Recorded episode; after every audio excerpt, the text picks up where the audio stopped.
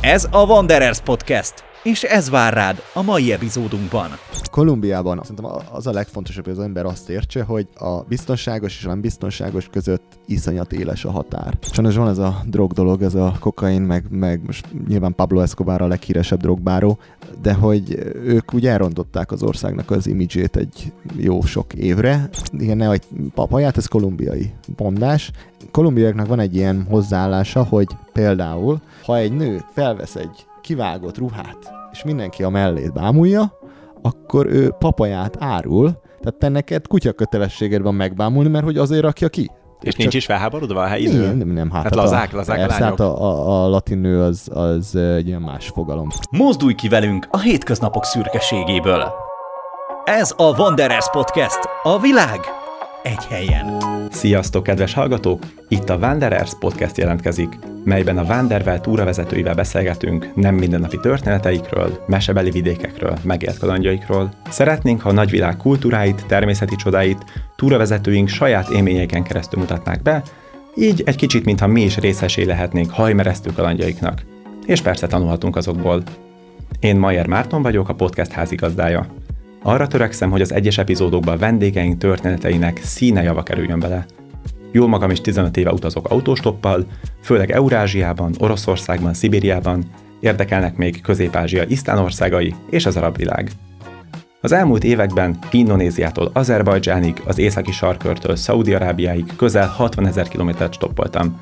Az így gyűjtött tapasztalatomat pedig most igyekszem megosztani Vanderveles túravezetőként utasaimmal. Na de vissza a podcastre. Ebben az első évadban többek között vitorlázni fogunk a délcsendes óceán elhagyott atoljai közt, megjárjuk Latin Amerika legveszélyesebbnek gondolt favelláit, megismerkedünk a magas hegymászók függőleges világával, és eljutunk iraki Kurdisztánba autóstoppal. Epizódjaink minden héten szerdán jelennek meg, elérhetőek a népszerű podcast platformokon, Spotify-on és YouTube-on is. Használjátok a W-vel Wanderers Podcast keresőszavakat, és biztosan ránk találtok. Kövessetek minket Facebookon, Instagramon, csatlakozzatok a zárt Facebook csoportunkba, amit a Wanderers több mint turista néven találtok meg, és böngészétek utazási magazinunkat a wanderers.hu weboldalon. Használjátok ki az autóban, vonaton, repülőn vagy éppen gymben töltött perceket, és hallgassatok minket akár offline is. Ez a Wanderers Podcast.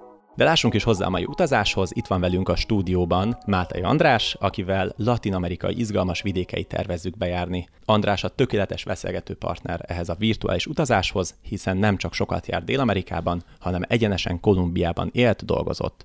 Üdv a stúdióban, András! Hello, szia Marci! Érdekes beszélgetésnek nézzünk elébe, mert hát, hogy őszinte legyek, alapvetően tőlem viszonylag távol áll ez a déliás, spanyol, latino kultúra, tehát, és nem is sokat tudok erről a régióról, tehát mondhatnám, hogy bármit mesélsz, lenyűgözöl. Elhiszem mindent.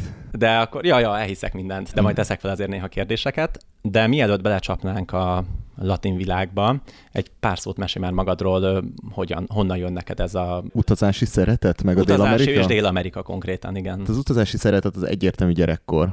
Ahogy én is beszélgetek sok utazóval, nagyon sok embernél a, a gyerekkori élmények meghatározzák, hogy, hogy mifelé mozdul, melyik vidék érdekli.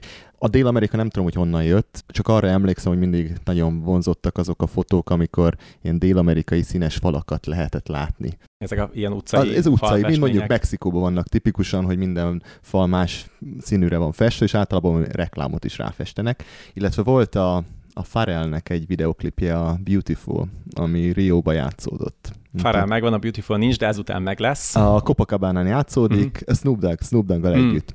És hát tele van a, a klip bikinis lányokkal, ott van Rio de Janeiro, a megváltó Krisztus szobor, favellák, és én csak így bámultam azt a videoklipet, hogy te úristen, ez Latin Amerika, nekem oda, oda el kell menni.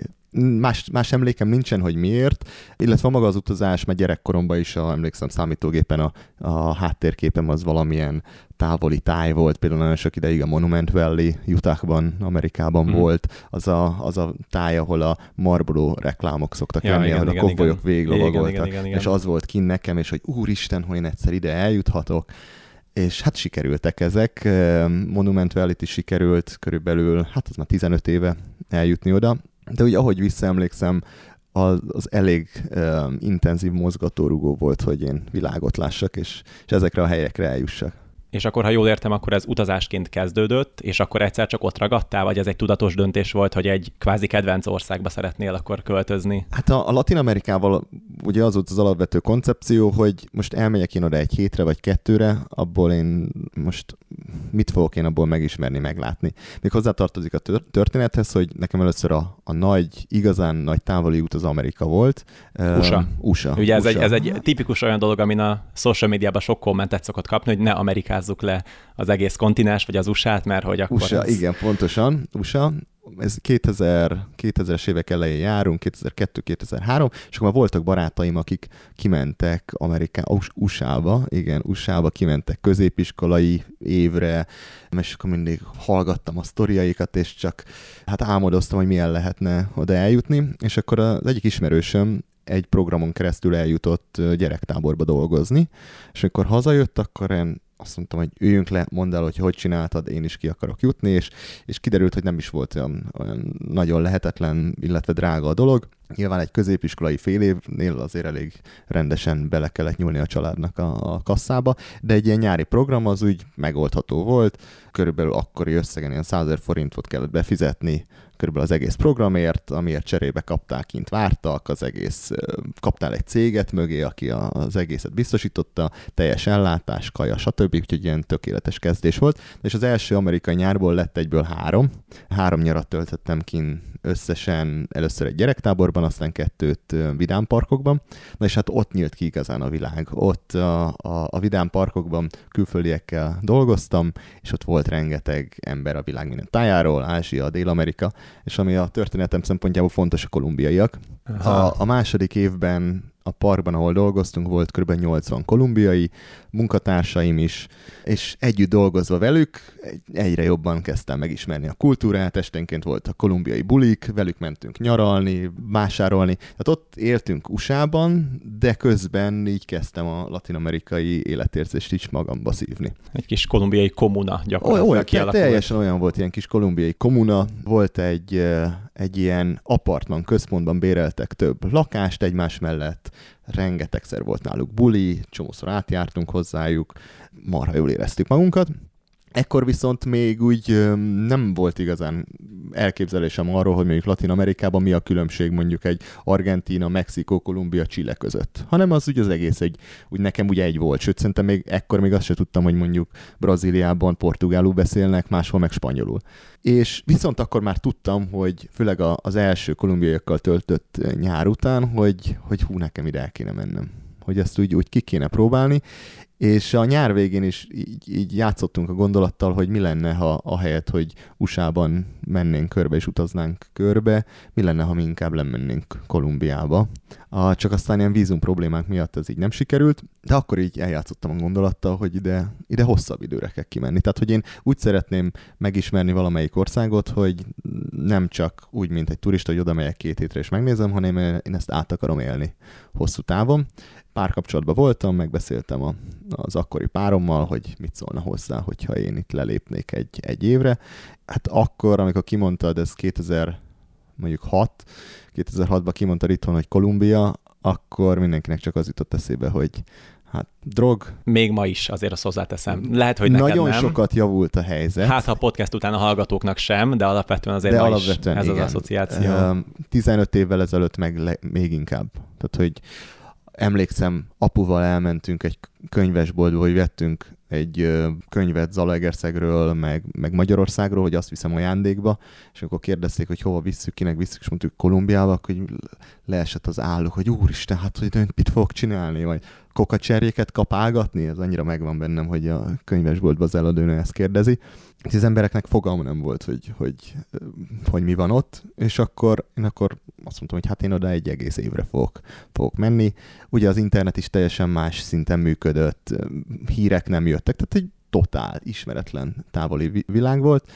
Ja, közben még azt elfelejtettem, hogy a Latin Amerikában akkor engem bármi érdekel, de nyilván a sok kolumbiai barát miatt én szerettem volna oda menni. Mert valahogy velük volt meg az a, az a ez érdekes, Klik. hogy ilyen hatással voltak rá, de teljesen más kulturális Igen. közegben, olyan hatással, hogy konkrétan erre, erre fókuszáltál. És nem csak azon az első, vagy a, hát a második nyáron a, a, a Vidám Parkban, hanem a következő nyáron valahogy egy teljesen másik parkba mentünk dolgozni, ahol megérkeztünk, bementünk az eligazításon, kiosztották, hogy hello, ez ott ti szobátok, akkor többen mentünk már magyarok, például tesómmal együtt mentünk oda, illetve lányokkal, barátnőkkel, egyszer csak nyílik az ajtó, és bejön egy srác, hogy hello, én leszek a szobatársatok, Juan vagyok Kolumbiából. És akkor ez egy jel. Ez, ez egy jel. És utána rengeteg ilyen volt, hogy lehet, hogy titkon már én is kerestem az ő társaságukat, de ott megint ugyanez ismétlődött meg, hogy kolumbiai komuna, kolumbiai bulik, velük együtt menni ide-oda, amoda, amoda, és még jobban elmélyült ez a kapcsolat,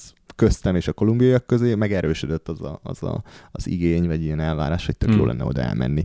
Közben nem csak én, hanem a tesómnak, az akkori barátnőmnek, a többi magyarnak is megvolt mindenkinek a, a ő saját kolumbiai legjobb barátja. Csomóan mai napig tartják a kapcsolatot. Hát sok kötés. Sok Igen, kötés. Tehát, és ez egyébként nagyon sokszor visszaköszönt azóta is a magyarok és a kolumbiaiak között, hogy, hogy én úgy gondolom, hogy nem véletlen, hogy a magyarok meg a kolumbiaiak között volt ez a, alakult ki ez a, ez a vagy hát inkább úgy mondom, hogy nem véletlen, hogy nekem Kolumbia tetszett meg, mert azóta rengetegszer kiderült, és volt rá bizonyíték, hogy valami a két ország között van, valami kapocs. Volt itt kolumbiai barátom, aki azt mondta, hogy a magyarok inkább spanyolok, mint mondjuk a csilleiek, vagy egy mexikói. Mm. Na, erről, erről mondja majd Léci egy példát mindjárt, meg Aha. mindjárt megtudjuk, hogy valóban kapáltál el kokacsárjét Aha. Kolumbiában. Csak egy pár szó még azért a földrészről, ö, érdemes megnyitni egy Google Maps-et, vagy ránézni a földgömbre, hogy ö, megmondom őszintén, én is laikus vagyok ezzel kapcsolatban, akkor ez azt jelenti, hogy a mexikói határ, északi határ, ez, ez a Dél-Amerikának a, a vége? Hát vagy én... milyen országok, milyen régiók vannak? Én inkább úgy fogalmazom, Latin, Latin Amerika az egy jó megfogalmazás. Latin Amerika korábban úgy gondoltam, illetve hát ez a hivatalos, hogy egészen a tűzföldtől egészen mexikói határig, az USA-ig tart. Én most is ezt gondolom. Amiben benne van Mexikótól, Közép-Amerika, aztán a dél-amerikai földrész. Én most már úgy gondolom, hogy Chile és Argentinának semmi köze nincs Latin Amerikához. Kulturálisan. Kulturálisan, igen. Most szigorúan kulturálisan. Földrajzilag az egy más kérdés, földrajzilag nyilván Dél-Amerikához tartoznak, de kulturálisan például Argentína és azon belül is Buenos Aires inkább valahol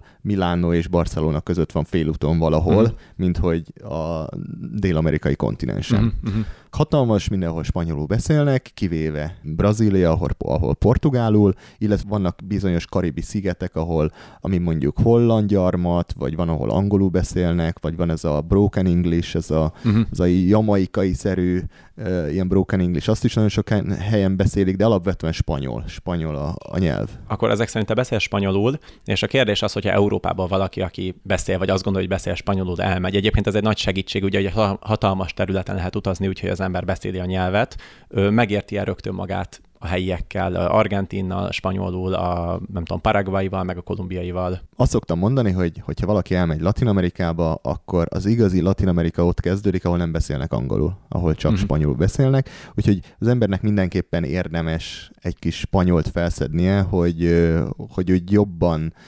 belemélyedjen a helyi dolgokba. Hogy milyen különbségek vannak, Argentina és, és Chile az nagyon tipikusan ilyen más spanyolt beszélnek, amit mondjuk, hogyha valaki itthon tanul, és mondjuk egy spanyol-spanyol tanul itthon, akkor egy argentin spanyollal nagyon nagy bajai lesznek, és lehet, hogy azt mondja, hogy úristen, ez ugyanaz a nyelv.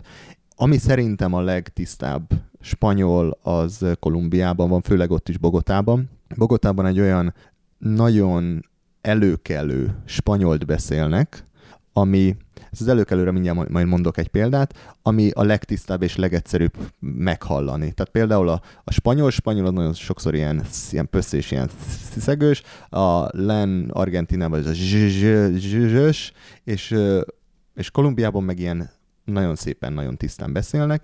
A környező országok azt mondják róluk, hogy ők úgy beszélnek, mint hogyha nem tudom, pár száz évvel ezelőtt a királyok, ahogy beszélgettek, például a gyerekek mai napig magázzák a szülőket, vagy például ezzel is tiszteletet adva, és ezzel is ugye a, a nyelvnek a, a komolyságát megadva, vagy például úgy kérnek valamit egy boltba, hogy meregala una, una manzana meregele az azt jelenti, hogy ajándékozzon ön nekem egy almát. És ez Kolumbiában ez egy ilyen bevett mondás, hogy így kérsz valamit. Elegáns kifejezés. El, egy ilyen elegáns, igen, egy ilyen királyi, királyi kifejezés. A környező országokban meg lehet, hogy megdobálnak téged, hogy mit akarsz, én nem fogok neked semmit ingyen adni. Ajánlom a hallgatóknak, hogy Budapesten is akár Magyarországon próbálkozzanak ezzel a kifejezéssel. Egy almát ajándékoztassanak maguknak. Aján, ajándékozzon ön nekem. Volna olyan kedves, hogy ajándékozna nekem egy almát. Szóval így, így beszélnek, és megkerestek már páran, hogy hol érdemes spanyolt tanulni, szerintem Bogotában, konkrétan Bogotában, mert hogy Kolumbián belül is az országban is nagyon nagy különbségek vannak.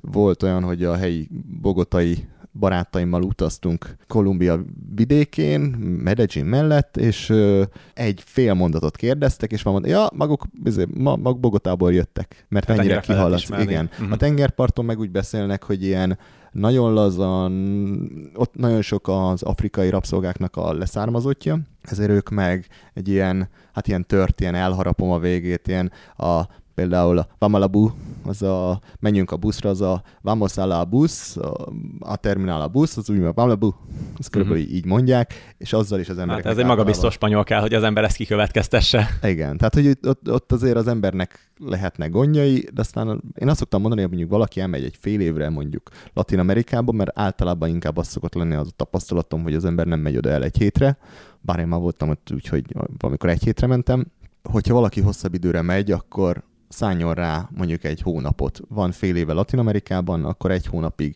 menjen el valahova. Ez lehet tényleg Ecuador, Kolumbia, Mexikó, Venezuela, bár most pont nem, Panama. Menjen el oda, egy hétig iratkozzon be egy intenzív spanyol tanfolyamra, ami alatt megtanulja, hogy merre van jobbra-balra előre, mennyibe kerül az alma, hogy kell kérni, hogy kell kérni sört, köszönöm, igen, nem, hány éves vagy, honnan jött, és a többi. Az alapokat elsajátítja, az már egy tök jó kezdés lesz, mint hogy mondjuk hat hónapon keresztül megy, és, és igazán nincsen meg a nyelvi háttér, és mm. nem hmm. tud a helyiekkel semmiről beszélni. Ah, ez jó, hogy meséled egyébként. Egy picit azt hiszem, hogy Európából úgy nézzünk Dél-Amerikára, Latin-Amerikára, mint ahogy csak hogy saját életembe hozzák példát a távol-kelet oroszok Európára. Tudják, hogy van ez az Európa dolog, Európai Unió, de azt, hogy most azon belül valaki holland, spanyol, francia, az nekik sokat nem mond. Tehát ha azt mondom nekik, hogy magyar vagyok, ha csak nem itt szolgált a nagypapa a valami katonai bázison, akkor vonogatják a vállukat. Ha európai vagyok, akkor azt gondolják, hogy az ott egy ilyen homogén kontinens, az emberek nagyjából úgy élnek Norvégiától Máltáig és Írországtól Ukrajnáig, ja nem, az már hozzájuk tartozik, de hogy akkor szűkítsük egy picit a kört, úgyis mindig, hogy érzékelem, hogy így Kolumbiánál kötünk ki, akkor fókuszáljunk Kolumbiára. Mivel foglalkoztál ott? Mesélj picit a hétköznapokról, mindennapjaidról. Még visszakanyarodok, hogy, hogy hogy kerültem oda. Ugye USA után, amerikai nyarak után, én akkor elhatároztam, és akkori párom támogatott benne, hogy oké, okay, akkor én elmegyek egy évre, de hát hogy hogyan? Hát azért akkor nem nagyon volt, ahogy említettem, se internet, hogy kezdje az ember, és a kintiekkel beszéltem kinti barátaimmal, és ők ajánlottak egy diák szervezetet, hogy azokkal szoktak menni külföldiek.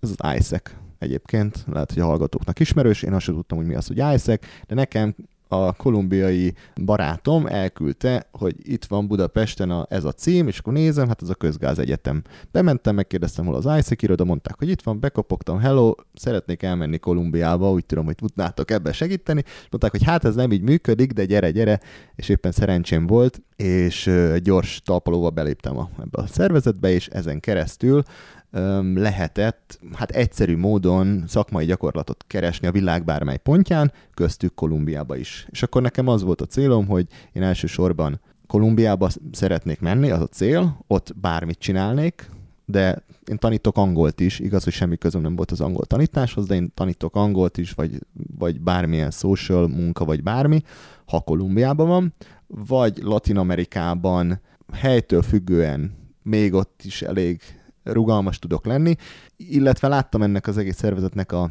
hát a pozitív hozadékát, ezért azt mondtam, hogy azért megnézem a világon a többi helyet is, és hogyha IT munkát találok, akkor mondjuk elmennék én akár, nem tudom, Hongkongba, és én egyébként interjúztam a hongkongi Google-lel is, aztán szerencsére nem vettek föl.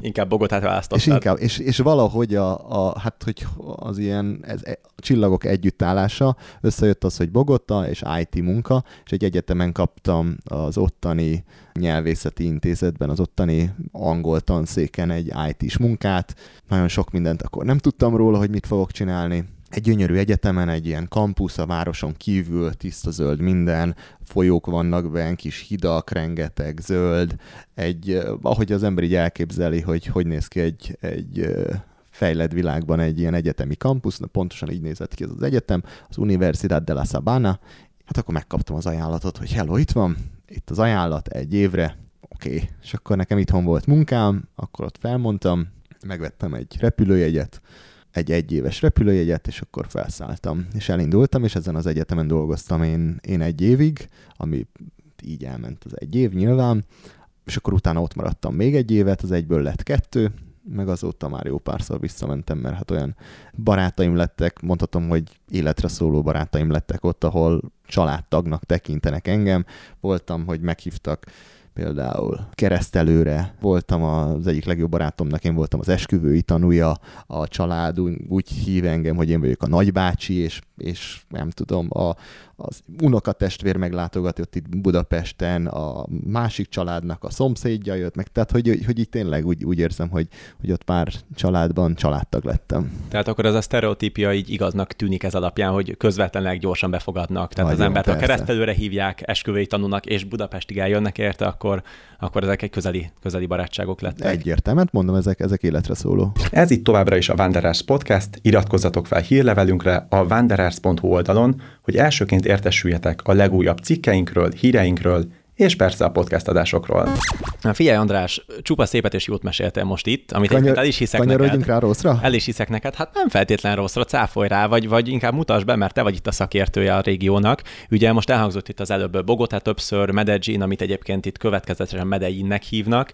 Ezek a városok, ezek szerintem a hallgatóknak, és nekem is elsősorban Káli városával együtt egy bizonyos helyről lehetnek ismerősek, ez nem más, mint a Netflixnek a Narcos sorozata.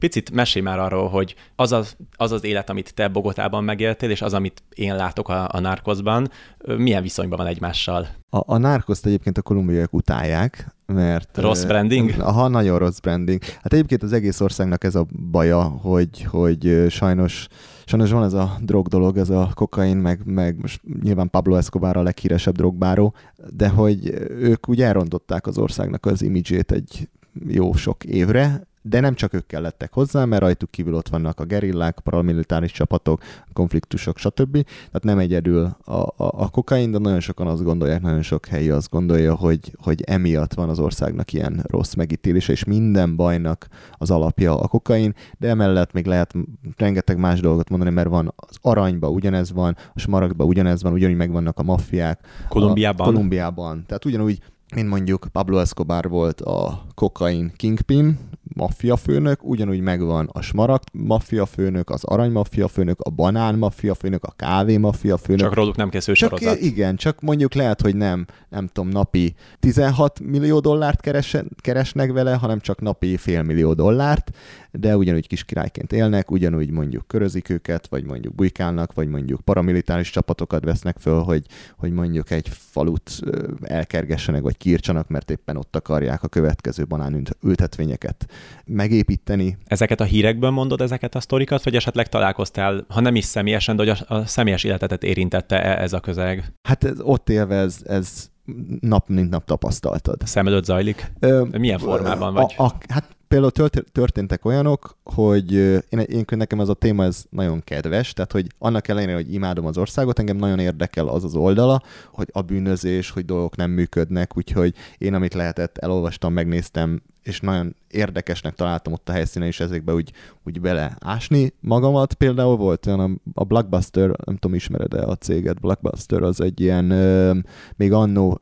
videótéka gyakorlatilag egy videótéka hálózat, amerikai hálózat, aminek ott is volt a, egy két emeletes hatalmas irodája, vagy nem is irodája, egy, egy, egy videótéka kölcsönző, ahol David barátommal mindig ott szoktunk parkolni, hogyha mentünk valahova kajálni, és, és akkor ott álltunk meg, és egyszer azt az egészet felrobbantották. De Ez úgy, a te ott, ott Amikor ott voltam, tehát mondjuk kedden ott parkoltunk, szerdán hallom a hírekben, hogy felrobbantották az egészet. Még jó, hogy csak a hírekben.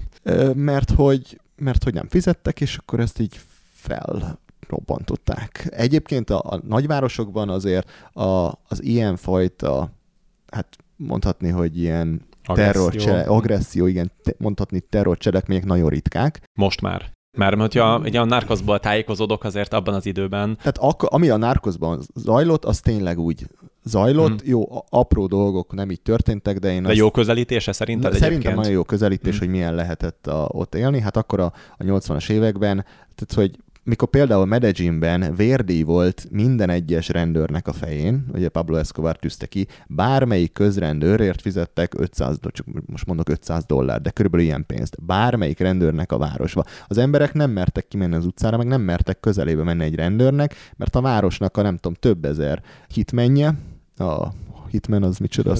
Bérgyilkos, a spanyolul az a szikárió, Uh-huh.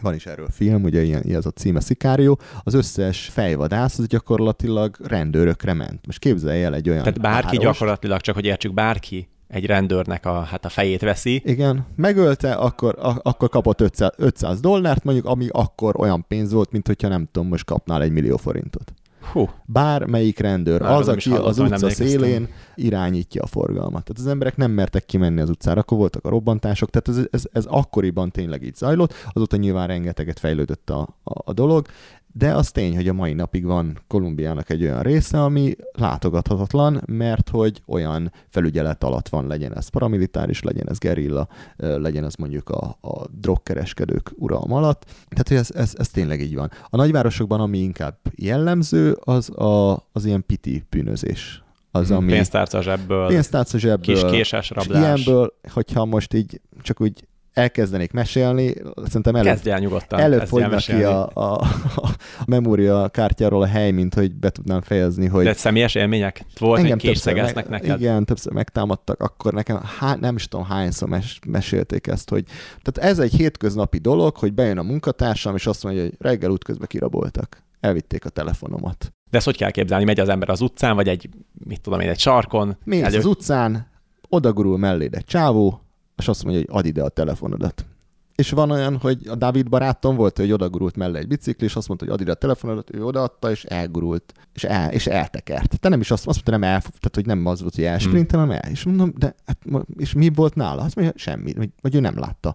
De hogy akkor miért nem, hát mondja, mit, mit, mit, mit csináljak vele? Hát valószínűleg van nála egy, egy kés, egy pisztoly, odaadtam neki. Mert hogy ez a, ez a szokás, hogy valaki megtámad, akkor, akkor odaadom neki. Vagy például, amikor ha az utcán bárhol mész, akkor az a szabály, hogy legyen a kezednél apró pénz. Mondjuk ilyen 100-200 forintnyi pezó, ami ilyen 1000-2000 pezó, amit gyorsan oda lehet adni. Hogyha valaki látod, hogy be van állva, ilyen hajléktalan, oda jön, hogy kér valamit, akkor egyből ad oda neki, és ez legyen kéznél, ne nagy pénz, nem az, hogy előveszed a pénztárcadat, és akkor elkezdesz keresgélni, hanem kéznél, zsebedbe. Valaki odalép hozzád, egyből odaadod, mert akkor békén hagynak. Na most ez a munkatársam már kezébe tartotta a buszpénzt, és valaki odalépett, hogy add ide, tudom én, egy késsel, vagy letörnek egy üveget, tehát hogy nem kell hozzá, izé, fognak, egy üveget letörnek, és akkor oda nyomják neked, hogy add ide. Odaadta neki, elrohant. Jó, oké, elő, előszedte a pénztárcát, elővette megint a következő oda a buszra valót, megint áll, és megint oda jött valaki. Azt mondta, 10 perc se telt el. Megint valaki, hogy add a pénzedet. És annyira elkezdett sírni, hogy így földhöz vágta a pénzt, hogy tessék, és elsírta magát, hogy nem igaz, hogy egy nap fognak, fogják kétszer kirabolni, és akkor most már nincs elég pénze a buszra. De hogy ez ilyen, Hétköznapi ez dolog. ilyen És hétköznapi- ilyen ruga, rugalmasak ezzel az emberek? Tehát nyilván senki nem örül, ha kirabolják. Nyilván senki nem örül, de ezért mindenki, tehát hogy megérkeztünk, alapszabály. Nincsen nálad óra, nincsen nálad ékszer, nincsen Ezt a nálad... barátaid, vagy valaki Persze, segített hát ez- ebben, hogy beilleszkedj ilyen igen, szempontból igen. is? Tehát mi, mi, például itt kinézek, itt van ez a híd, és mondjuk vittek haza kocsival, és akkor én a hídnak a túloldalán voltam, és akkor rakjatok ki engem itt. És majd áll, hogy te éjszaka átgyalogolj egy híd alatt, hát olyan, az, az, az elképzelhetetlen. Nem.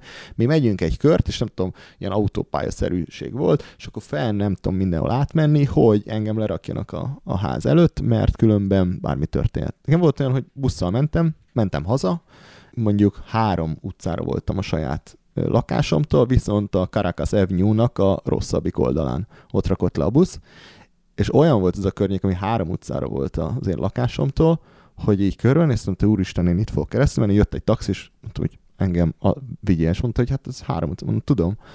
De, Nem akkor érezted úgy? Hogy nem éreztem úgy, de, de Kaliba is volt a ti barátommal, hogy, hogy este fel kellett volna mennünk egy ilyen lépcsős, hát nem sikátor, de egy ilyen sötét részen, ahol nem volt olyan a közvilágítás, és akkor összenéztünk, nem, ugye? Nem, hívjunk egy taxit, hívtunk taxit, 20 perc van megérkezett, és akkor utána mondtuk, hogy oda megyünk. És mondta a taxis, hát Ez itt van. Hát nem, igen, csak nézz oda. Külföldiek vagyunk, ez ja, tökéletesen igazatok van, tényleg ezt jól tettétek, hogy apropó külföldiek, az a tény, hogy te nem helyi vagy, vagy hát mondjuk így nyugati kinézetű vagy, ez inkább növeli az esélyt egy ilyen rablásnak, vagy csökkenti? Nyilván, tehát, hogy nyilván külföldiként világítottunk. Hát az a, igaz, a de hát gondolom a rendfenntartás így jobban odafigyel rátok. A Kolumbiában azt kell, szerintem az a legfontosabb, hogy az ember azt értse, hogy, hogy a biztonságos és a nem biztonságos között iszonyat éles a határ. És vannak persze biztonságos részek, és nem az jelenti, ja, most a negyedekről, hogy... tehát fizikailag a városban. Igen, tehát uh-huh. mondjuk úgy képzeljék el az emberek, hogy mondjuk, mondjuk Budapesten a, a Gosdú udvar, ott őrök vannak minden egyes szórakozóhely előtt, sőt a bejáratánál, az utca elején, stb. mindenhol. Viszont mondjuk lemész, kimész mondjuk a körútra, az már egy olyan közeg, ahol bármi megtörténhet veled. Tehát ilyen iszonyat éles a határ. És ott képben a... kell lenni. Képben kell lenni, hogy az ember mozog. mehetsz, hova mehetsz, hogy vagy még biztonságban. Tehát most nyilván nem fognak bárhol kirabolni, bár, de bárhol megtörténhet, mert számtalanszor volt olyan is, hogy barátaimmal elmentünk kávézni a, a legfelkapottabb, mint mondjuk a Vörös Marti térre, lerakták a táskájukat a földre, és ahogy belemelegettünk a beszélgetésbe, egyszer csak puty, táska eltűnt. Vagy a David barátommal mentünk cipőt nézni,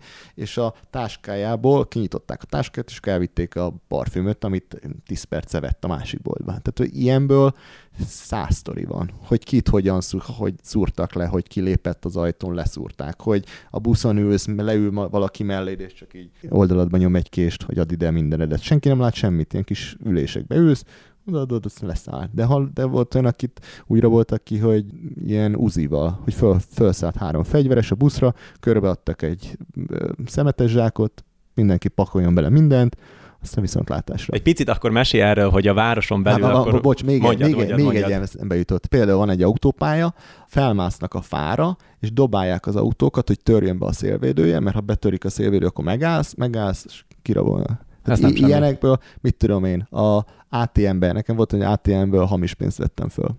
ATM-ből.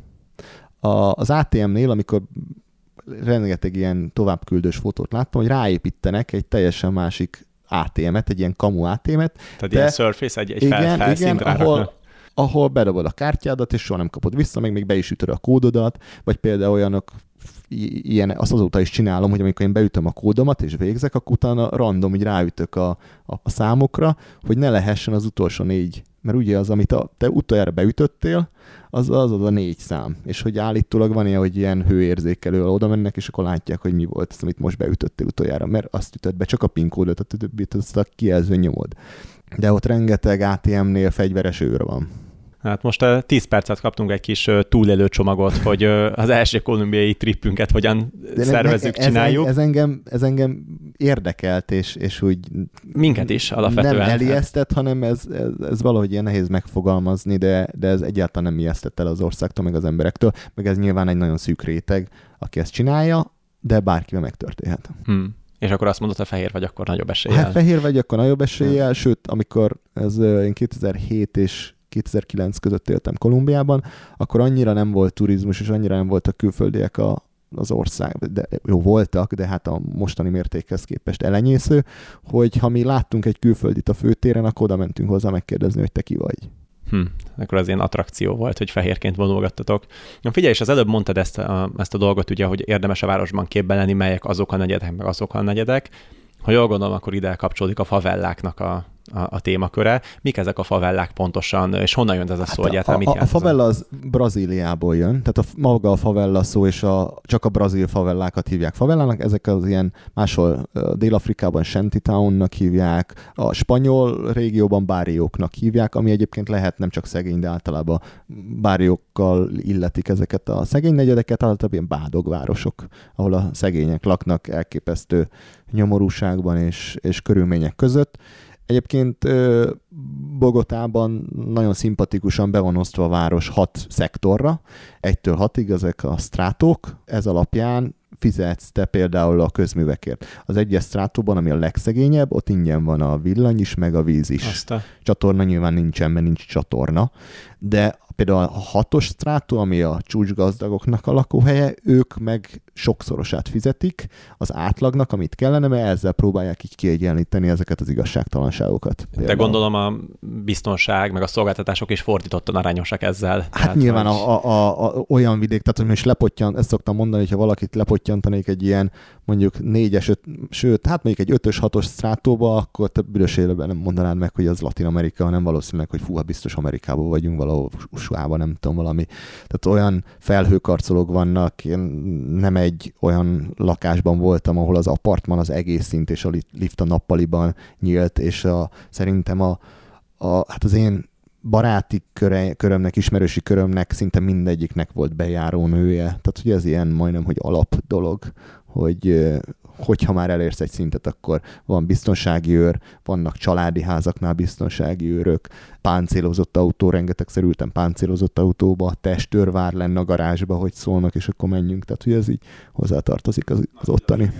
Hát általában ugye nyilván a külföldieknek nem tanácsolják, sőt, tehát esze ágában ne legyen senkinek bemenni egy favellába, bár Brazíliában maga a favela elnevezés az leginkább Rio de Janeiro miatt vált ismerté, csak Rióban 1500 favella van. Tehát egy városon belül 1500 ezek ilyen... különálló, ilyen kis negyedek. Ezek ilyen kommunák, egy saját élete van ezeknek a városrészeknek. Most már vannak ilyen túrák. A Rióban a Rossinha nevű favellában voltam, egy ilyen túra keretén, ahol kerestünk egy helyi csávót, aki elvisz, bevisz minket és megmutatja. És oda taxisztunk, akkor fogtunk helyi motoros taxikat, azokkal mentünk föl a kis utcákon, föl a városnak a mélyére, és ezekbe meséltek, hogy hogy működik az egész, és ez a isteni igazságszolgáltatás Rióban, hogy a legjobb kilátás az a favellákból van, és csodálatos a kilátás, és a gazdagok meg lent laknak a parton, és valószínűleg ők soha nem is látták, hogy fentről milyen szép is a, a városuk, és hogy például a favelláknak úgy tippelik meg a populációját, hogy mennyi áramot lopnak el a város, városnak az áramhálózatából. Ez a lopnak, ez most egy ilyen... Ez nem, az ott, ott lop, tehát nem, Rióba ellopják. Tehát míg, míg Kolumbiában a szegény negyedekben valahol ingyen van, azért Rióban, és láttam, van ilyen fotóm, hogy ott egy villanypozna, és ilyen ezer ilyen hozzácsatlakoztatott, ilyen do-it-yourself módon lopják róla az áramot, és akkor ezzel mondják meg, hogy ebbe a városrészben, nem tudom, 20 ezer ember lakik, vagy uh-huh. nem tudom, x. Hú, hát ö, lehet, hogyha Kolumbiával megyek, akkor majd szólok, hogy lennél le a vezetőm, bár nem tudom, egy favellába gondolom, akkor egy helyi ember is kell, tehát nem, nem te vinnéd a van, csoportunkat. Van, van, olyan, van olyan, ahol barátokkal mentünk és bementünk, hmm. mert, már is, mert már voltam Ismerni előtte kell. többször, mert tudom, hogy biztonságos, tehát van, van olyan, ahova, ahova bemegyek egyedül, de van olyan, ahova persze helyismerős kell, hmm. hogy, hogy, hogy bevigyen. De ugye a turizmus az nagyon sokat változtatott ilyen szempontból is, mert rájöttek, hogy van erre igény, hogy az emberek kíváncsiak erre is. Úgyhogy nyilván bármelyik városba elmegy az ember, most már ilyen favella vagy bár jó túrát simán lehet találni, ugyanúgy, mint Medellinben. Szerintem, ha nincsen 30 különböző Pablo Escobar túra, akkor egy se. Hmm. A tesója tart túrát, a volt izé, nem tudom, sofőrje, a nem tudom melyik rendőr, a boldog-boldogtalan, mert nyilván rohadt nagy pénz van benne, a turisták meg imádják.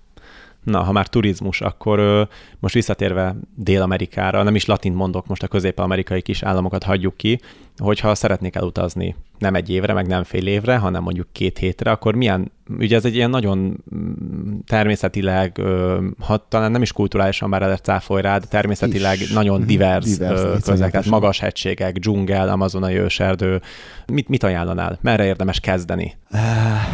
hát ez így. Szoktam hátizsákhozni, nem tudom, el tudok gagyogni valamit spanyolul, de, de mit, mit ön, önálló turistaként mit ajánlanál? Vagy akár csoporttal? Hát egyébként Vegyük bele még Mexikót is, mert szerintem Mexikó az ilyen szempontból egy, egy olyan Jolly Joker, ahol, ahol a latin kultúrát meg tudja tapasztalni az ember, de mégis relatíve biztonság van, bár ott is iszonyatosan figyelni kell, hogy az ember hova megy, mint például Acapulco, ami 20 éve az egyik gyöngyszeme volt Mexikónak, most élhetetlen, és ember nem megy oda, tényleg a turizmus az egyenlő az éróval. Biztonsági? A biztonság szempontjából, mert hogy a drogkártelek ott háborúznak. Acapulco az, mint város megszűnt.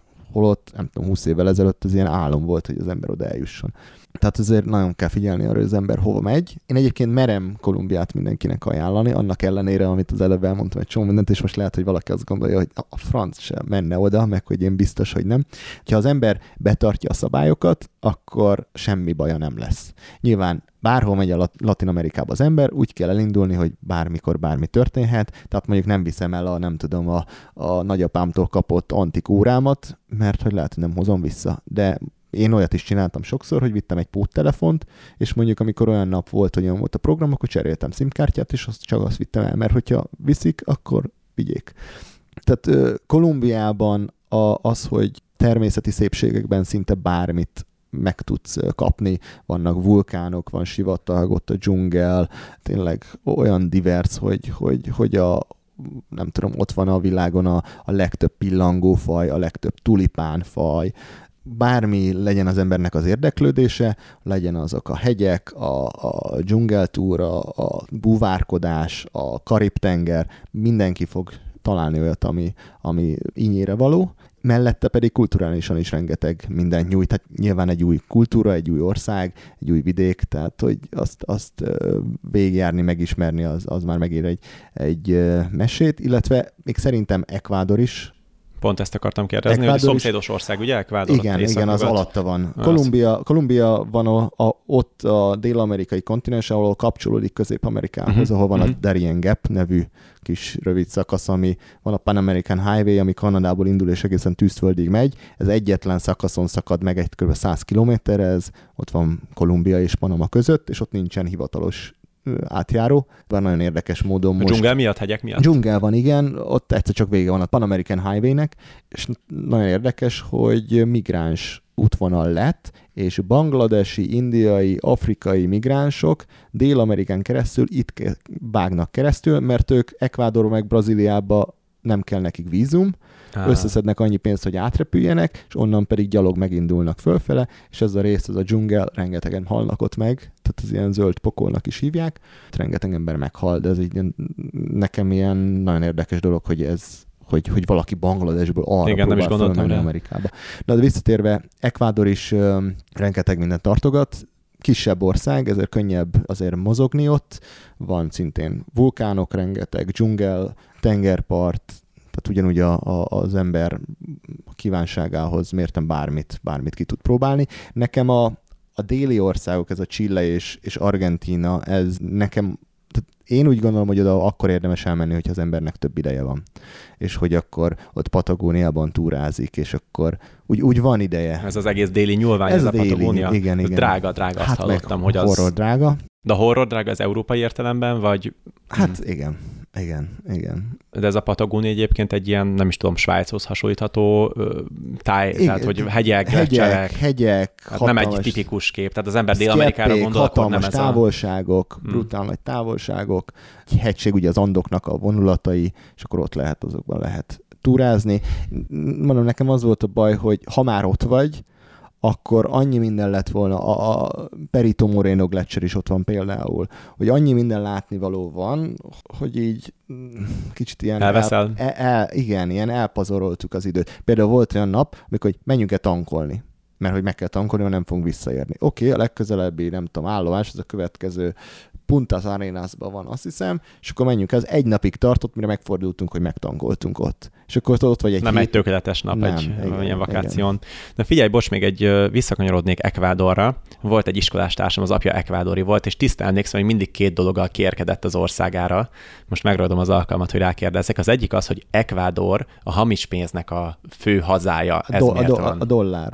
Mert ugye ott hivatalos pénz az dollár. Ecuadorban dollár. És ez hogy kapcsolódik a hamis pénzzel? Hát, hogy iszonyat fekete piaca van a hamis... Hát, sufniban nyomják az amerikai sufniba, dollárt. Aha, sufniban nyomják az amerikai dollárt. Szerintem nekem is van onnan hamis dollárom, ha minden igaz, sőt, dokumentumfilmeket láttam, ahogy megmutatják nyilván nem az egészet, de a Vice, nem tudom, ismered-e a Vice, az a kedvenc amerikai ilyen média birodalmam, elég sok dokumentumfilmet csinálnak, YouTube-ra általában ilyen negyedórás kisfilmeket, és nekik van egy ilyen, amelyikben az ekvádori pénzhamisítókat mutatja be, úgyhogy ez, Igen, de egyébként Kolumbiában is működik, meg nyilván szomszédok, úgyhogy nyilván az átfolyik, de, de igen. És a másik kérdés, amit mindig mondott, nem is tudom már, hogy hívták, hogy Kolumbiában van a világ közepe. És én értem, vagy a, bocs, Ecuadorban, Ecuadorban van. Igen. Ö, tehát, hogy értem én, hogy átmegy ott az egyenlítő, meg erről is nevezték az országot, de miért lenne a világ közepe? Hát a, e, van erről egy cikkem, én ezt, ezt le is írtam, mert én voltam a világ közepénél. Ugye az egyenlítő, az körbefut a világban. És amikor mondjuk olyan csak úgy tippelek, 40-50 évvel ezelőtt arra gondoltak a tudósok, hogy valahogy meg kéne határozni egy pontot, ahova csinálunk egy nagy emlékművet, és amit kikiáltunk a világ közepének, akkor ugye elkezdték nézegetni a térképet. Na most a óceánia rész, ahol keresztül fut az egyenlítő, ugye ott szigetek jönnek, mennek, nincs egy olyan száraz, vulkánok vannak, földrengések, nincsen egy olyan fix talaj, amire azt lehetne mondani, hogy na most mi erre a szigetre rakjuk a világ közepét, mert lehet, hogy tíz év múlva nem ott lesz. Az a rész kihúzva. A következő, Afrika. Afrikában konfliktusok vannak, biztonság szempontjából nem elérhető Afrika, ezért azt is így kiúzták a térképről, oké, marad Dél-Amerika, akkor legyen ez Dél-Amerikában. Dél-Amerikának a keleti oldala az sűrű dzsungel, és a nyugati oldalon fut az Andok, ami úgy ö, jobban elérhető így gyakorlatilag így kisakkozva. Kizárásos alapon kizárásos Ecuador, Ecuador maradt. Azt nem tudom pontosan, hogy Ecuadoron belül miért pont oda tették. Építettek egy hatalmas emlékművet, ami egy ilyen torony, és a tetején van egy földgömb, és négy égtáj, meg minden, amit el, el tudtok képzelni. Csak hogy azért rossz helyre rakták. Elszámolták? Elszámolták, mert hogy amikor nem tudom, ami 70-es években építették, akkor még nem volt olyan pöpec a technológia, és akkor később, amikor már ugye GPS-ek meg lettek, akkor valaki oda ment és így nézte, hogy gyerekek, ez nem is az egyenlítőn van rajta. 80 méterrel el van számolva, és és ott felépült egyébként egy, egy ilyen egész város erre az iparágra. És mágnesárusok, póló. Igen, hűtőmágnes, póló, és vannak ilyen activity amiket csak az egyenlítőnél lehet megcsinálni, például egy tojást kiegyensúlyozni egy bevert szögnek a fején. Ez nem egy ilyen urban legend? Nem, ezt én is megcsináltam. Van, van egy szög, az egyenlítőn beverve, és rajta állíts meg állva egy tojást. Ezt, Ezt el... is próbálom most, és itt. Állítólag nem lehet megcsinálni máshogy, csak az egyenlítőn, és én láttam egyébként ott, hogy a, a kamu egyenlítő vonalán ott próbálkoznak, és hát nem láttam, hogy valaki megcsinálta volna, viszont a kicsit mögötte van egy múzeum, ami a úgy hirdeti magát, hogy az igazi egyenlítői múzeum, és így bebizonyítjuk nektek, hogy tényleg itt van az egyenlítő, és itt mindenféle, például ezt is ki lehet próbálni, és én ott meg is csináltam, ez nekem a blogon fenn is van a fotó, hogy én kiegyensúlyoztam a tojást, tehát az ott áll, létezik. Illetve vannak ilyenek, hogy megmutatják, hogy merre folyik le a víz. Van egy vödör, van egy nagy tölcsér, és akkor a vízbe dobnak leveleket, és akkor megmutatják, hogyha a déli féltekén tényleg ilyen két méterre már így folyik le a víz, ebbe az irány, most nem emlékszem, hogy az óra mutatójára se a megegyező vagy ellentétes, másikon meg másik. És ezt hogy meg tudtuk nézni. Vagy voltak ilyenek, hogy, hogy nem tudom így hogyan, pontosan nem emlékszem, de körülbelül az a lényege, hogy szorítsd össze a kezedet, vagy tartsd így, és hogy a, az egyenlítőn másik ember szét tudja feszíteni, ha meg nem az egyenlítőn állsz, akkor nem tudja szétfeszíteni. Tehát valami ilyesmi, de azt is ott bebizonyítottuk. És Ugye vesztesz az erődből az egyenlítőn? Igen, valami volt, hogy Na, az nem érdekes. tudom, szorítsd össze, és akkor én ki tudom nyitni, de ha lelé- kilépsz, akkor már nem, vagy valami ilyesmi. De, de voltak ilyenek, úgyhogy ez, igen, ott Na, az érdekes, az érdekes, igen. Na, jó, hogy szóba került. És akkor még egy régióról kérdeznék, ami nincsen nagyon messze innen, de viszont egy talán legismertebb, Rio de Janeiro után legismertebb egész Dél-Amerikában, ez a Machu Picchu és a Titicaca Voltál, voltál itt? Nekem a Peru kimaradt, és egyébként nyilván most közben eszembe jutott, hogy nyilván nagyon sok magyar a, a Peruba szeretne eljutni, és Peru is egy olyan célpont, hogy, hogy bárki ha aki szeretne, az menjen és, és utazzon és fedezze fel minden másik országnál előrébb járnak mondjuk egy ilyen tippelek egy húsz évvel. És, Emiatt egyébként, tehát a Machu hát a, a vonzereje Nem csak ugye ott van a Kolka kanyon, ott van a Nazca vonalak, az egész Inka történelemnek a, a kézzelfogható nyomai, tehát rengeteg minden, de nyilván ugye a Machu Picchu is ott van, és ezért ott sokkal előbb elindult a turizmus, és sőt, szerintem még ugye a többi országban konfliktusok zajlottak, ezért ott nem tudott elindulni. Tehát, hogy még mondjuk ment volna, mert Kolumbiában is van olyan romváros, mint a Machu Picchu, az a Ciudad Perdida, az elveszett város fenn a Sierra Nevada hegység tetején, ahol én is voltam. Ilyen van, csak míg mondjuk, nem tudom, a 80-as években már Peruban elindult a turizmus elég masszívan, addig Kolumbiába esze ágában nem volt senkinek sem menni. Ugyanúgy Ekvádor is azért később indult el ezen az úton, és ezt én hallottam, nem voltam még Perúban, de hallottam, hogy egy ilyen élmény szempontjából teljesen más egy, egy Kolumbia és egy Peru, olyan szempontból, hogy Peruba odamész, és minden sarkon pizza, hát Burger King, McDonald's van, a helyiek már nem azt az őszinte nem úgy őszintén fogadnak, mint mondjuk Kolumbiában, mert hogy nagyon sokan azért dicsérik Kolumbiát, hogy az még ugyan érintetlen, hogy ez egy olyan autentikus, mert hogy a turizmus ott 2010-es években indult el. Most meg ugye vissza is esett. De hogy nem 30 éve van. És Peruban már a turistáknak a fején ott van a dollárjel, és a helyiek már úgy kezelik őket. Ja, én azt akartam úgy mondani, hogy biztos egyébként, hogyha olyannal mész, aki jól ismeri Perút vagy a régiót, akkor el lehet menni olyan, persze, olyan részekre, persze. tehát hogy azért elég nagy ország ahhoz, hogy az ember kicsit elvesszen, még fehérként is, világító fehérként is. Ez itt továbbra is a Wanderers Podcast. Csatlakozz kalandutazó közösségünkhöz, és lép be zárt Facebook csoportunkba, amit a W-vel Wanderers több mint turista néven találsz meg. Akár turistaként, akár ott élve, visszakanyarodva az egész téma elejére, ez a délies latin attitűd, mennyire okozott neked, vagy mennyire okoz az odaérkezőknek problémát ez a, talán az interneten így referálnak rá, ez a mañana, ez a mañana érzés. A ez a nagyon lassú, nehezen szervezhető. Hát ez embere válogatja. Ez a mañana ugye azt jelenti, hogy holnap, ami a latin kultúrában azt jelenti, hogy holnaptól egészen idők végtelenségig bármilyen időt jelenthet. Ez mondjuk, ha valaki oda megy turistaként, akkor nyilván nem fog ezzel olyan úgy találkozni, mert nyilván aki a turizmusban dolgozik, az tudja, hogy egy turistának más az elvárása, holnap megbeszélnek valamit, akkor ott lesz. De ha valaki ott él, akkor már ennek elég kézenfekvő jelei vannak, amikor megbeszélsz valakivel egy találkát, és kettő órakor te ott állsz, ahol megbeszéltétek, és a csávó négy óra, harminckor a világ legnyugodtabb tempójában jön, és éppen még, ja, még beugrottam egy kávéra, meg izé, mert hogy mi baj történhet? Hát, hogy majd megvársz, majd, majd én ebben nagyon könnyen bele tudtam csúszni ebbe a manyána érzésbe. Akkor Magadénak érezted ezt én nagyon, tehát én, én nagyon-nagyon átéreztem ezt, és, és fel is vettem ezt a, ezt az életritmust. Akkor volt baj, amikor hazaköltöztem utána, mert ugyanezzel a manyána hozzáállással próbáltam itthon élni az életemet, és volt olyan, hogy megbeszéltem valakivel találkát, mondjuk nem tudom, 6 órakor, én 5 óra 55-kor még olyan lazán flancoltam otthon törölközőbe, hogy még, ah, még elmegyek fürdeni, de most mi baj lehet? Hát most megbeszéltünk hatot, most én odaérek mondjuk fél hétre, addig megiszik egy sört, hát most csak el lesz. Tehát, hogy ez volt a fejemben. És akkor a barátaim rám szóltak, hogy hát ez így nem lenne jó, és akkor vagy így vissza.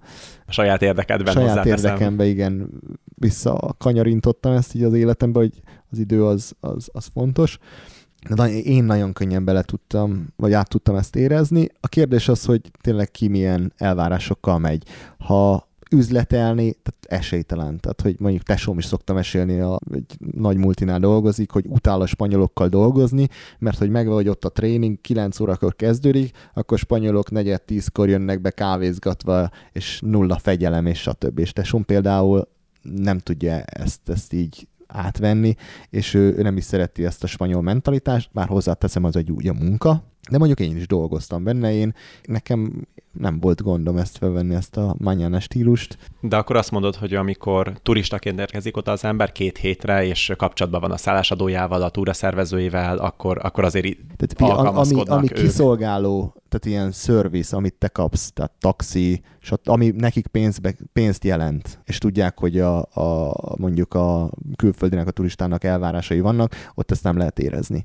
De mondjuk az, hogy mondjuk kimész egy koloniális városba, vagy egy kis pueblitóba, kis falucskába, bárhol Kolumbiába, akkor szerda délután kettőkor csurigon a főtér, és a, a éppen fagyizik mindenki, vagy üldögél, vagy éppen beszélgetnek a sarkon, tehát látszólag az embereknek semmi dolguk nincsen délután kettőkor, és ezt, ezt jó látni, tehát hogy, hogy turistaként is ezt át lehet érezni, hogy mennyire lelassul a világ, és mondjuk van egy ilyen siesta idő, bár mondjuk a, a siesta idő nem annyira komolyan van meghatározó, mint mondjuk Spanyolországban, de hogy, hogy, hogy van, hogy belassul a, a világ, de hogyha valaki, nem tudom, végig akar rohanni az országon, és neki percre pontosan megvan a terve, hogy én most ide megyek, most, akkor meg lehet csinálni, tehát hogy nem fogja a turistát semmiben hátráltatni, de szerintem így nem érdemes. Tehát hogy sokkal érdemesebb inkább belassulni, és inkább átérezni ezt a Nagy mañana, majd, majd, majd. Hát ez egy igazi, igazi holiday. Igazi Volt egyszer, hogy meghívtak egy házi buliba, és akkor mondták, mit tudom én, 10 óra, és úgy nem is beszéltem, mert ők mondták, hogy 10 óra. Én meg oda mentem 10 órára.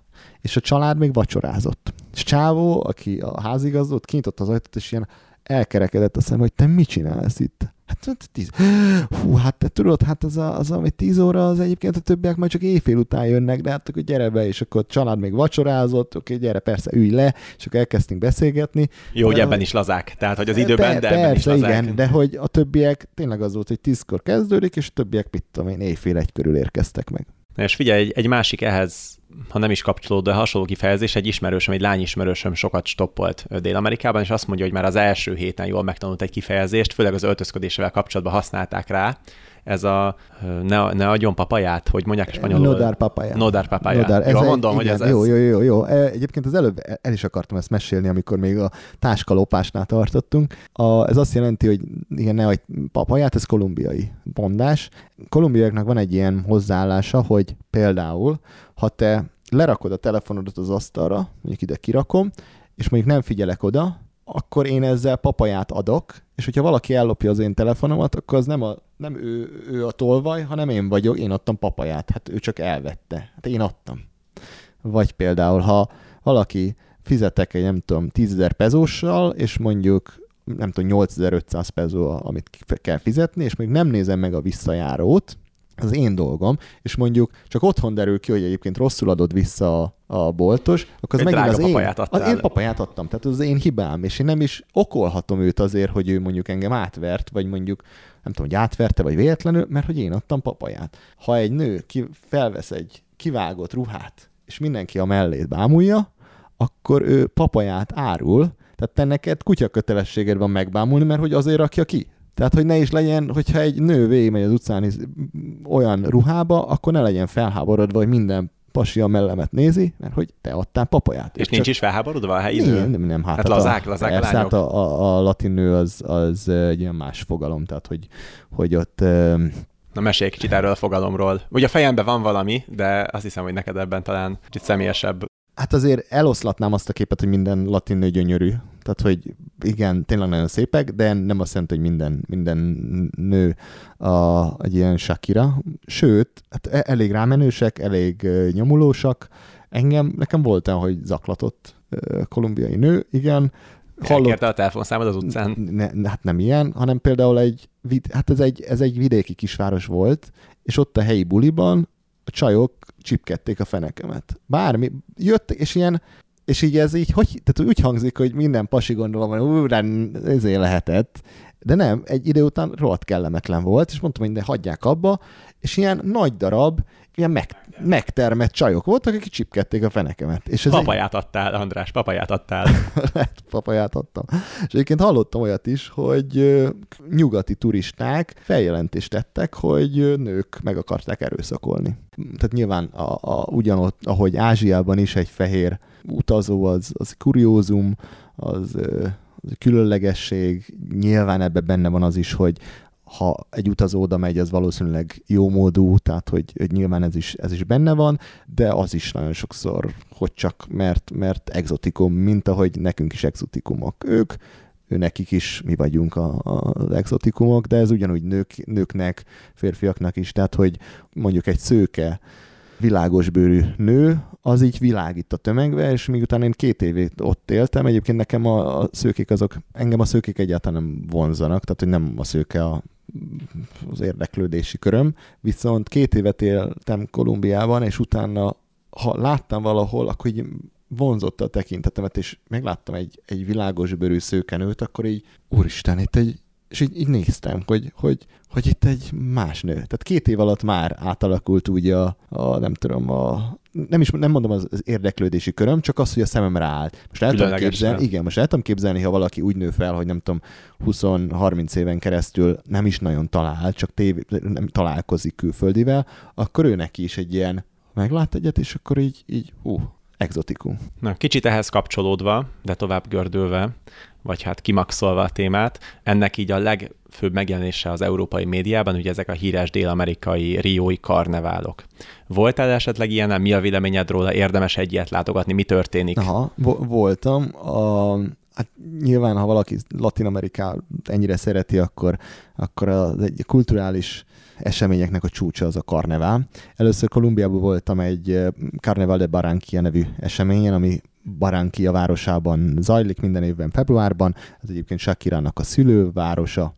Hát ugyanaz megy ott, mint a, a nagy riói karneválon, csak kicsibe. Egy hétig buli, de szó szerint kell érteni, tehát munka, mit tudom, iskola. Szerintem nagyon sokan ilyenkor kivesznek szabit, mi is felutaztunk, egy ilyen külföldi társasággal voltunk, helyeknél laktunk, napközben mennek a felvonulások, ahol beöltöznek mindenféle ilyen jelmezekbe, megvan a Barankiai karneválnak a kabala figurája, aktuális politikai, társadalmi kérdéseket felvonultatnak ezeken a, a, a jelmezeken keresztül, bemutatják a szépségkirálynőket, jönnek ilyen kamionokon, ott jön a cukor szépségkirálynő, a kávé szépségkirálynő, a banán szépségkirálynő, a kukorica szépségkirálynő, mert hogy nem, tehát hogy most Kolumbiában egy szépségkirálynőt nem lehet választani, ezek kitalálnak ilyen, hogy a, nem tudom, a tengernek a szépségkirálynője, és a többi, és akkor ezeket fölvonultatják, és akkor utána este meg minden este buli. Hatalmas koncertek, ezeknél általában ilyen szabadtéri koncertek, és vagyenátó, merenge, bachata és hasonló élőzene van, ott van több ezer ember, közte járkálnak az árusok, tehát ilyenkor nem kell, nincs olyan, hogy te elmész a büfébe, és akkor majd én ott hozok egy, nem tudom, sorba állok egy 10 perciket egy sörért, hanem folyamatosan jönnek az emberek, hozzák, mélyhűt ládákban hozzák a jéghideg sört, akár te tudsz úgy venni akvárdientét, hogy azt mondod, hogy egy, egy satot kérek, és akkor ott a srác beleönti a torkodba, tehát, hogy, hogy ez így teljesen máshogy működik. Én egyébként ezt nagyon szerettem, hogy a, az utcán mindent meg lehet szerezni, és mindent meg lehet kapni. Tehát mondjuk leülsz egy főtére, és, és ott lesz olyan ember, aki odajön, és csinál neked kaját, de akár hoz egy kis rezsót, és ott grillez neked csirkét, mert hogy van rá kereslette, meg persze támogatom vele, meg nyilván éhes vagyok, akkor miért ne? Ilyenek ezek a fesztiválok, és akkor a Baránkiai után nyilván, hogy hát Rióiba el kell jutni, és a brazil barátaimmal beszélgetve az nagyon gyorsan kiderült, hogy a Riói az nem, a, nem igazán oda kéne elmenni, hanem Salvadorba.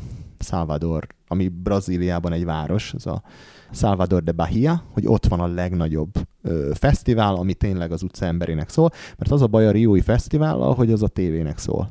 És ott a jaj, gyorsan akartam, a Sambadrom, azt hiszem, az a, van egy stadion, egy ilyen hosszúkás stadion, amit ugye a tévében is lehet látni, ahol felvonulnak ezek a szamba iskolák, de most oda bejutni, azok ilyen horror pénzek, főleg, hogyha jó helyre akarsz ülni, és ugye itt egy héten keresztül vannak programok. Mi Laci barátommal voltunk, hát a leges, legolcsóbb, legutolsó jegyet kaptuk meg, az is nem tudom, volt vagy 40 ezer forint egy két órás programra, tehát azért elég húzós, és akkor így a távolba ott mennek a, a, a dolgok. Tehát azt azért nagyon gyorsan mi is mm, megtapasztaltuk, hogy a Riói karnevál az nem az az igazi. Viszont hát a Salvadori és a két brazil barátommal kitaláltuk, hogy akkor menjünk el, Laci barátom, és akkor így, így négyen menjünk el erre. Na hát én tényleg azt mondom, hogy ez egy olyan embertelen, őrült, brutál fesztivál volt, hogy ilyet nem láttam. Erről egyébként külön a fesztiválokról szoktam, szoktam előadást ö, is tartani. A harmadik napon, az első nap nyilván azért jó bepiáltunk, és akkor az úgy mentünk a flóval, és akkor a második nap, amikor már nem bírtunk annyira inni, akkor azért láttuk, hogy mi zajlik, akkor azért éreztük, hogy ez mennyire veszélyes. Edson barátunkat kirabolták ott a izé közben, olyan alakok vannak, a, a favellákból minden kiáramlik a nép. Kiáramlik a nép, igen, és ezt úgy próbálják ezt valahogy kordában tartani, hogy vannak ezek a kamionok, ami a kamion körül, hát emberek csinálnak egy kordont, egy ilyen kötelet fognak, és ezek haladnak, ezek az emberek haladnak a kamionnal együtt, és elvileg a szintén visszakanyarodva azzal, hogy az biztonságos és nem biztonságos, az biztonságos között milyen éles a határ. Ha te belül vagy a kordonon belül, akkor ott minden rendben vagy, ott biztonságban vagy, viszont kívül ott bármi történt, kirabolnak, félmeztelen emberek rohangálnak, pogóznak, a, a letaposnak. Volt, hogy egy ilyen szűkületbe úgy összenyomódott a, a tömeg, hogy nekünk ki kellett másznunk a kerítésen keresztül, mert attól féltünk, hogy összenyomnak minket. Akkor a rendőrök ilyen nagy pódiumról nézik a tömeget, és hogyha látnak valami rendbontást, akkor így nyíl egyenesen megindulnak a tömegbe, és a tömeg az meg így nyílik szét, vagy ha nem, akkor egyből gumibottal ütnek. Tehát ott nem nézik, hogy ki van előtte, mennek így, és általában így nyílik szét, és akkor kinézik, hogy föntről, hogy na azt a csapatot elkapjuk, és akkor kőkeményen. Oda azokat szétverik. Szóval, szóval nagyon, nagyon igen, és így, így az, hogy az első éjszaka ugye azért bepiáltunk, és így nem volt meg ez a kontroll, utána meg láttuk, hogy mi zajlik ott, utána mi azt is mondtuk, hogy jó, ezt így köszönjük szépen, és így, ez így ör, örülünk, hogy ezt így túléltük, átéltük, és ezt így soha többet uh-huh. inkább csak így elrakjuk emlékbe, hogy, uh-huh. hogy ez így, így megvolt, és így nem nagyon vágyom vissza, hogy, hogy ide inkább visszamennék egy barankiai karnevára, ami kicsit ilyen ember léptékűbb, mint egy ilyen hatalmas őrült káoszba. Mm. Hát abban a szempontból is jó, hogy ott voltál, hogy megosztathatod most velünk. Mint egy vége főcímként egy gondolat. Én nem, nem jártam még ezen a kontinensen, viszont távol-keleten, dél-kelet-ázsiában annál többet, és sokan azt mondják, hogy ugye vacilálnak, hogy az első távoli út, ami nem Európa, meg nem Észak-Afrika, az vagy ez, vagy az. Ezzel kapcsolatban jártál mind a két régióban, tudsz esetleg ez, valami támpontot adni? Ez visszatérő kérdés, igen. Hát első, első általában az ár az ár. Latin Amerika nem olcsó. Tehát, hogy, hogy ugye Dél-Kelet-Ázsiával kapcsolatban az emberek fejébe ott van, és jogosan, hogy csak el kell oda jutni, és utána fillérekért van minden. Hogy nem tudom, 2000 forintért lehet tájföldön bungalót bérelni a tengerparton, 800 forintért lehet étterembe kajálni, ez így van. Latin Amerikában nem. Latin Amerikában, ahogy megvan a társadalomnak az egyenlőtlensége, az, hogy egy szolgáltatásért milyen árat fizetsz, az a minőségtől függ. Tehát te tudsz vacsorázni, nem tudom, 500 forintért is egy olyan negyedbe, ahol nem mész be, kirabolnak, szóval nem tudsz. és minőségileg olyan kaját kapsz, hogy inkább nem tudod, hogy tehát inkább nem akarsz belegondolni. Ha el akarsz menni egy normális étterembe, akkor Budapestnél drágább. Tehát simán Budapestnél magasabb árak vannak. Úgyhogy itt megint az, hogy kinek mik az igényszintjei, csak általában, amikor az ember utazik, amikor nem ismeri a helyi dolgokat, akkor ő nem az 500 forintos menüs helyre fog bemenni, hanem bele, be fog tévedni olyan helyekre, ahol simán mondjuk, nem tudom, 5000 forint egy főétel, és akkor még plusz jönne az összes többi dolog. Úgyhogy az első dolog, hogy szerintem Ázsiában mondjuk egy tíznapos latin-amerikai út az minimum másfélszor annyiba kerül.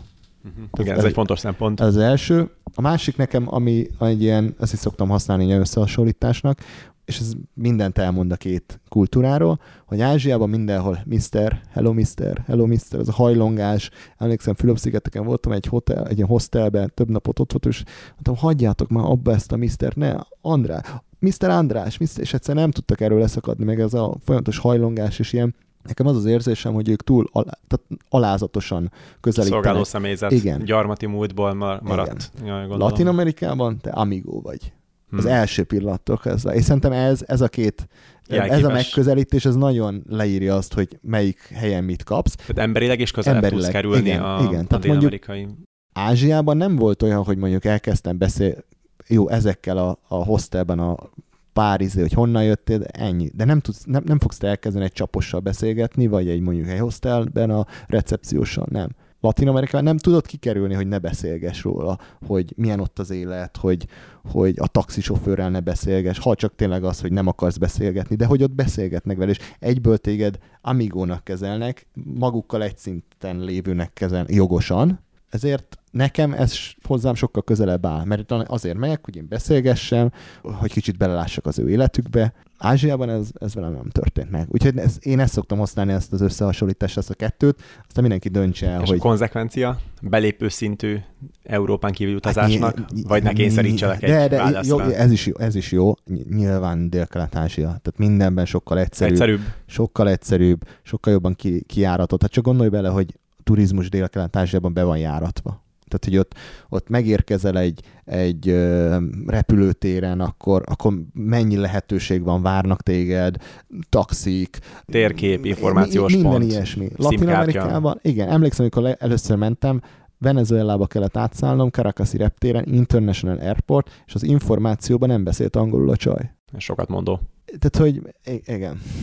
Oké, tehát belépő szintű inkább a dél-kelet-ázsia, és aki azt nem csak hogy túléli, hanem élvezi, amire egyébként minden lehetősége megvan, akkor, akkor lehet De szerintem általában nekem ez a tapasztalatom, hogy, hogy általában az emberek inkább kelet felé indulnak el, és aki meg mondjuk nagyon Latin Amerikára kíváncsi, vagy már mondjuk tapasztaltabb, vagy mondjuk bevállalósabb, azok mennek el Latin Amerikába. Persze nem azt jelenti, hogy ha valaki nem volt dél-kelet-ázsiába, ne lehetne oda menni, csak nekem ez a tapasztalatom. Na és a végére még egy kíváncsiságból egy kérdés, hogy egyébként András, te mivel foglalkozol, amikor éppen nem Kolumbiában kokacserjét kapálsz, akkor most mivel töltöd itthon napjaidat? Hát most, most éppen, éppen most is dolgozom, tehát nekem van, van, van egy polgári foglalkozásom, mellett pedig, ami az utazáshoz kapcsolódik, abban így minden részébe próbálok kicsit belekóstolni. Van egy, van egy podcastem, a, az utazási podcast, ahol hát téged is már háromszor? Háromszor, háromszor de még csak kettő hallható. Még kettő van kint, igen, a harmadik majd jön, háromszor meginterjú voltalak. Utazási podcast, akkor utazási blogolunk a tesómmal együtt több mint tíz éve. Ez melyik blog egyébként? Ez Utazgatok. Ez Utazgatok blog. Aztán dokumentumfilmek. Ezt két-három éve kezdtük el először egy indonéziás sorozatot csináltunk Csapó András barátommal és Ritával, Sárgarovás lány Ritával, az Indonéziáról szólt, tavaly pedig szintén Andrással és párommal Kingával elefántokról forgattunk dokumentumfilmet, ez egy tényfeltáró dokumentumfilmének elég nagy sikere van, és nagyon büszkék vagyunk rá, és hát mellette pedig Vandervel túrákat is viszek. Az én specialitásom Kolumbia és Kuba, úgyhogy ezt kihasználva, hogy ott megvan a helyismeretem, szeretném átadni az embereknek, hogy, hogy amit én ott megtapasztaltam, amit ön ott ismerek, azokat átadjam biztonságosan, és egy olyan élményt szerezve az embereknek, hogy, hogy ők is beleszeressenek ebbe a régióba. Na, hát a mai részben ennyi fért bele. Köszönjük, kedves hallgatónk, hogy velünk tartottatok. Keressetek, kövessetek minket a népszerű podcast platformokon, Spotify-on és YouTube-on is. Használjátok a Wanderers Podcast keresőszavakat, és egész biztosan ránk találtok.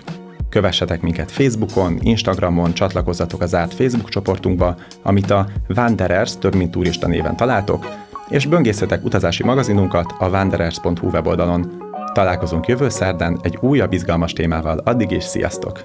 Mozdulj ki velünk a hétköznapok szürkeségéből! Ez a Wanderers Podcast, a világ egy helyen.